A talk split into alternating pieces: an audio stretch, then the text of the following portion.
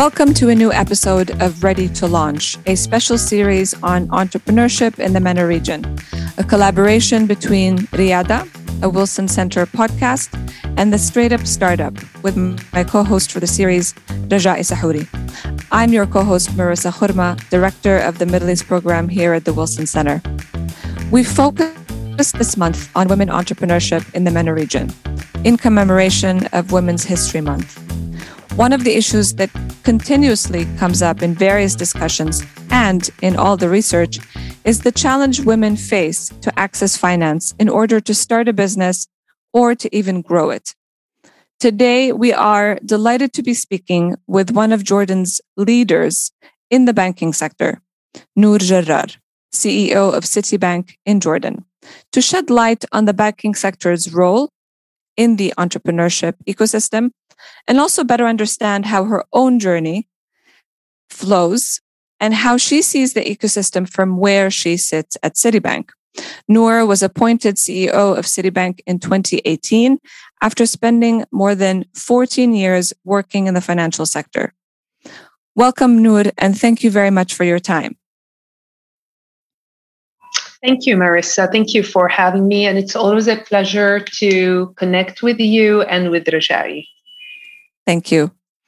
So, Nour, as I mentioned, you are um, one of the few women leaders in the banking sector in Jordan. Um, tell us a little bit more about your journey in banking and how do you see the sector changing? Thank you, Merissa, again. And, um, you know, when I started my banking career uh, more than 20 years ago, um, there was one woman CEO in the in the sector, and that was at Citibank. And at that point in time, I personally was very determined to um, to become a senior executive in a bank or even a CEO. But the the issue at that point in time was not gender, uh, not diversity or gender bias, as much as it was related to corporate governance. And when Central Bank of Jordan in 2014 issued their uh, first draft of the corporate governance code, uh, they made it possible for many of us who aspired to reach to such positions and to become CEOs um, to know that this dream can be pursued and can happen and um, and and this made me even more determined that this is what I wanted to do. I wanted to um, get to that place, and it required lots of hard work, lots of perseverance, um, some ups, many downs, uh, in order to get there. But um, it definitely um, it's definitely worth it. Now, um, if you look at the banking sector uh, today, you can see that we are doing better than the rest of the economy in Jordan, whereby um, our diversity ratios measured by women participation in this case, um, it, it is around 35%, while you know that in Jordan it is as low as uh, 15%, unfortunately. And uh, so, definitely, we have done something right with regard to attracting um, uh, female talent into the banking sector. What we still need to work on and get ourselves trained to do better is how we can groom and um, and support more, more women to make it to the top positions at uh, at banks. And um, and you know today there are three women CEOs including myself and that's like 13% of the um, uh, uh, of the population. So definitely more work needs to be done I'm personally optimistic with the recent appointment um, of Ms. Randa Sadik at Arab Bank. I think this is another turning point and one that will have important, um, um, also important, I would say, uh, reflections and important um, um, results in the entire economy and the banking sector in specific. Um, I think that the focus and the reason why I'm I'm also focusing on on and on the recruitment of women is because today, if you want to serve women and you want to serve youth, you want somebody who speaks the same language, somebody who is uh, would understand the needs of other women, um, to add diversity of thought to the table. So I think this is why it is even more important nowadays that we need to focus all of our attention to um, to, to, to bring more diversity into the Jordanian economy in general and the sector that I'm working in in in specific. Yeah. I hope I was able to address your question, Merissa. Oh, absolutely. Um, in fact, there are so many things you said that I want to follow up on. But starting with, uh, I guess, congratulations to the banking sector that um, that you were able to uh, basically make this progress, particularly as you mentioned, um, in comparison to the the national average when it comes to female labor participation. So um, what is it in the banking sector that worked, and how can you work with other sectors to also help them, uh, you know, achieve the same um, percentage for women uh, participation? So I think what helped increase the women uh, participation in the banking sector is related to a number of, of, of factors. One um, is a cultural factor um, that whereby their banks are highly regarded or considered a good place to work in. So um, so that's that's factor number two uh, the working hours. You know, our working hours in the banking sector are eight to three thirty, so it makes it um, easier for um, um, for both men and women um, um, to, to to to to manage a work life balance. And um, third, banks have a the, a branch network, and so many of the many of the banks have um, uh, have existence, have units that are closer to where women live. And you know, this is one of the uh, impediments that we have in the Jordanian market that it's not easy for women to get to the to the workplace to get to the capital Amman where it where it where the concentration of all businesses yeah. um, and and you know we don't have a proper transport transportation public transportation network that would make it comfortable for women to commute and um, and and to go to their workplace. So having that proximity. Now even at this at this time when digitization is taking over. And you know um, eventually in a couple of years time the branch network the physical existence of a bank in uh, in different locations will start to um, uh, will start to change and to be replaced by uh, by digital platforms.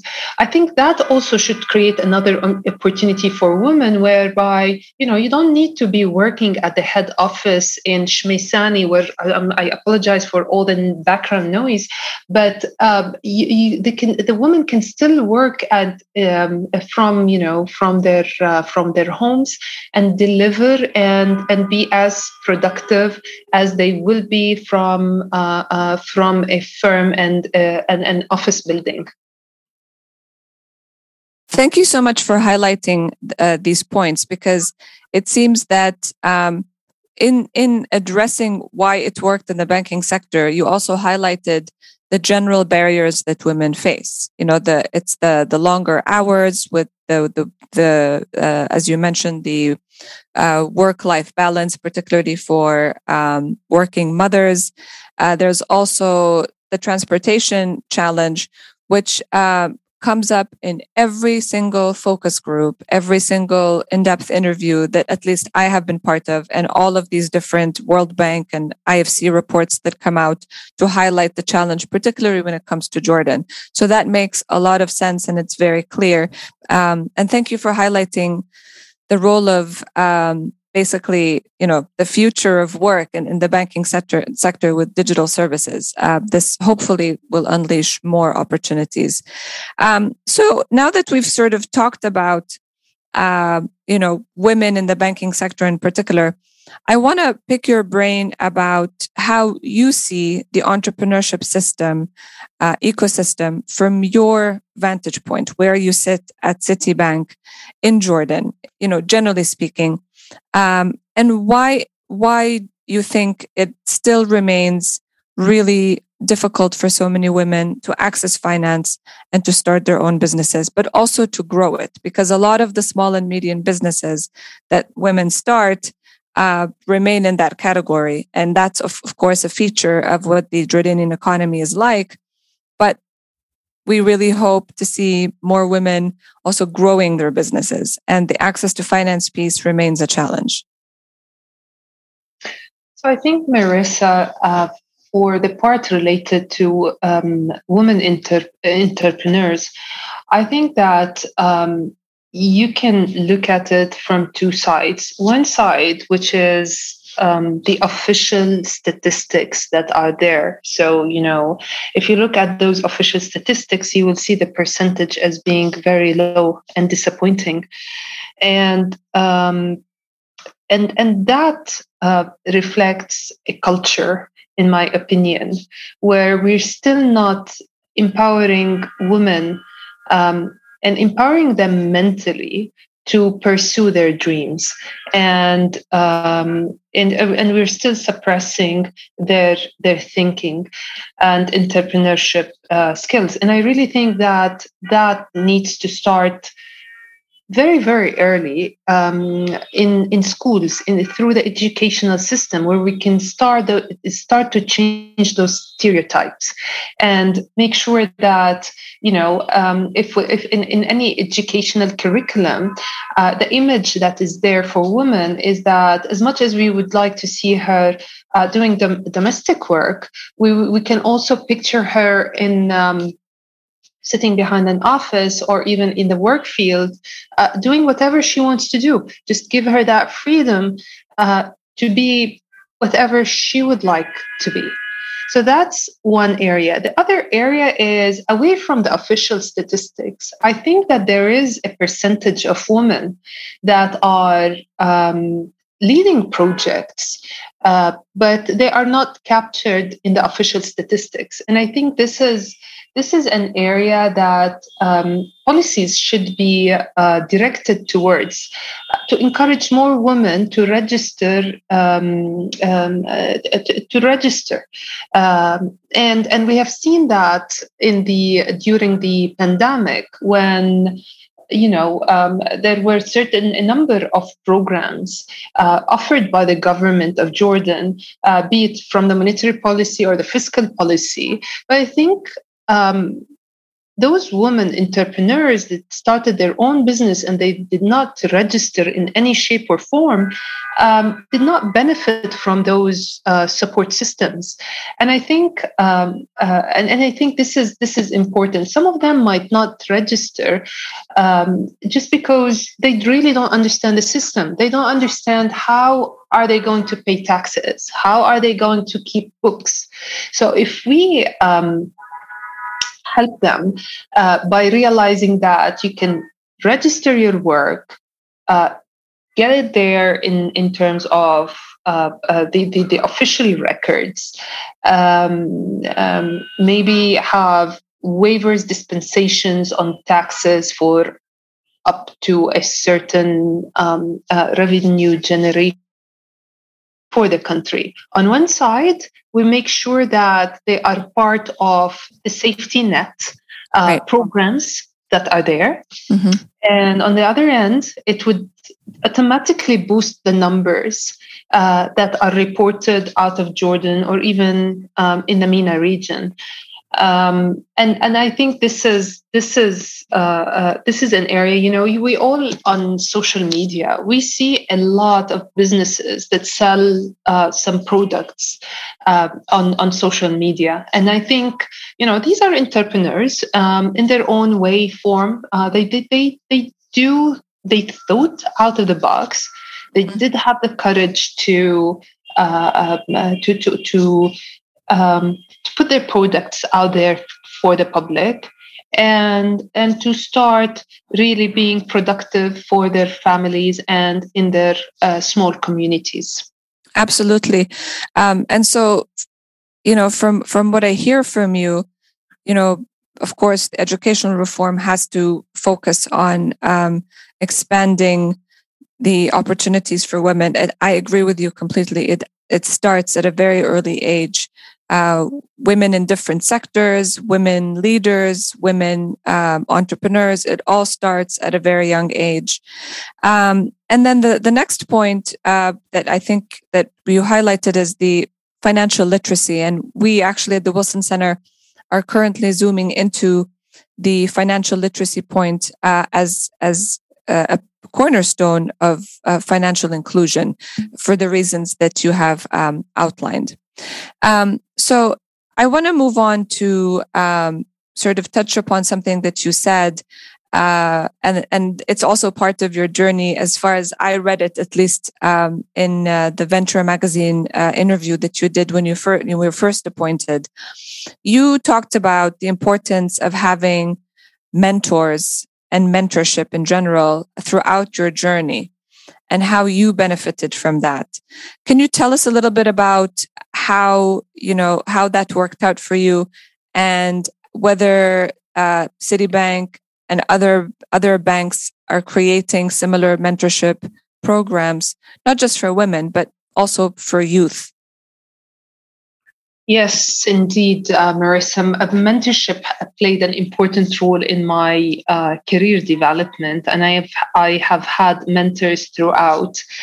Um, you know, the choice of mentors, um, I think, differs. So you, you know, uh, sometimes you would be under a mentorship program, so that you would you would have a one defined uh, person who is uh, who who you're connected to and and you work together. And then um, there are the mentors that you choose in your life. And this is my piece of advice for anyone who will be tuning to this podcast is that don't wait to be part of a mentorship program in order to seek mentorship you know? Um, um, just maybe start with look within your surrounding. Who is there? Whose style way of doing things you know makes you um, makes you impressed and and and and you know touches your mind and touches your heart. And i think approach that person and and and talk to them. And then um, you don't really need to go and tell them, you know, I want you to be my mentor, but just have a discussion with them. They would enjoy it. Ask for a follow up discussion if it really um, made sense to you and continue to do that. And I think that was my approach. I think I am the kind of person who um, um who went and asked not for advice, but I was close to a number of people in my life that I wanted to learn their style. I wanted to learn their way of thinking, the way they analyze an issue, uh, the way they sort a problem. So I had many of them. I approached them in that way. Currently at Citi, I am uh, part of organized mentorship programs that targets both um, um, uh, men and women. And as you can imagine, they are the younger generation, the aspiring younger generation. And I very much enjoy uh, those uh, those sessions. And you know, switching seats and being a mentor I really think that um, the amount of satisfaction and reward that you get when you are on those mentorship sessions is is is is quite uh, significant, and this is why um, I, I, my advice to everyone listening just don't shy away from uh, looking for mentors in jordan we adopted a reverse mentorship program whereby we thought you know, let's learn from the younger generation. Uh, they are digital savvy. They they they they they manage and they uh, they maneuver and they go around social media like you know in a very easy way. Uh, they deal and and and do certain things maybe on the operational side that many of us who are sitting in offices on the executive team we're not totally aware of of them. And the amount of great ideas we got from reverse mentoring was unbelievable. And the last point i want to make uh, to highlight is that sponsorship is extremely important as well. A sponsor is, is, is, somebody who will be speaking about you when you are not in the room.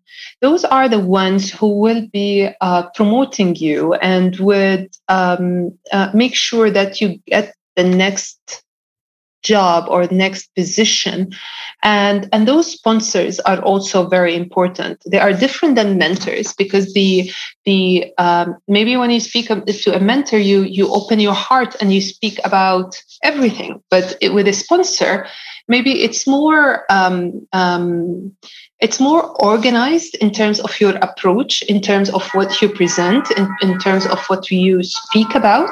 But definitely within your circle make sure that you have both mentors and sponsors because of both of them are extremely important in the career development of both men and women Absolutely. And thank you for shedding light on the sponsorship piece as well.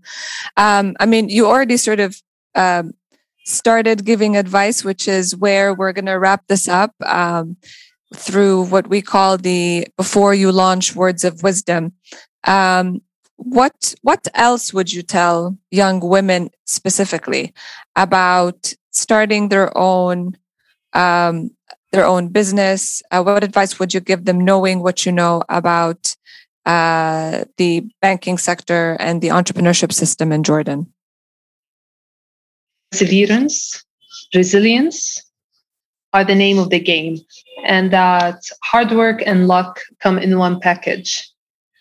Um, and you know, uh, there is this cartoon that I always like when I see on, on social media when they tell you when they show you an uh, an iceberg and they will tell you, you know, this success is the tip, and then you don't know what goes beneath. And I really think it's it's it's a true true example of um, of, of, of the day of any professional. You know, what everyone sees, you see the glory, uh, uh, shiny picture of that senior executive or that entrepreneur who was able to uh, uh, you know list their companies or sell them for i don't know how many hundreds of millions of dollars. But um, what every what what what others do not see is that until you see that tip of the iceberg there's lots of things that uh, that comes with it. Um, lots of frustrations lots of disappointments uh, lots of um, experiences. But i think this is what makes us stronger and this is what keeps us going.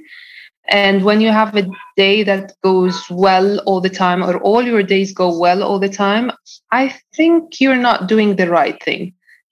So, um, definitely, I think I would repeat where I started resilience, perseverance, hard work, and keeping a positive attitude.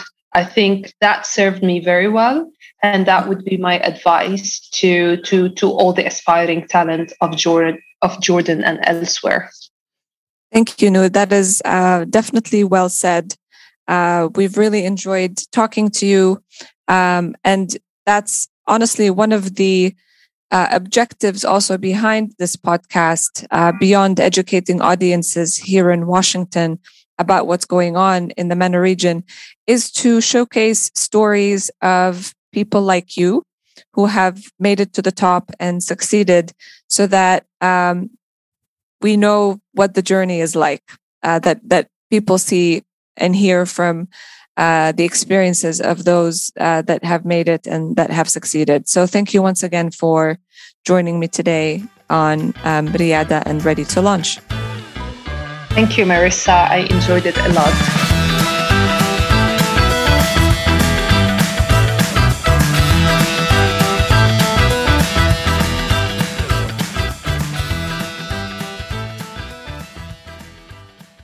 This podcast is funded by a grant from the United States Department of State. The opinions, findings, and conclusions of this podcast are those of our guests and do not necessarily reflect those of the U.S. Department of State.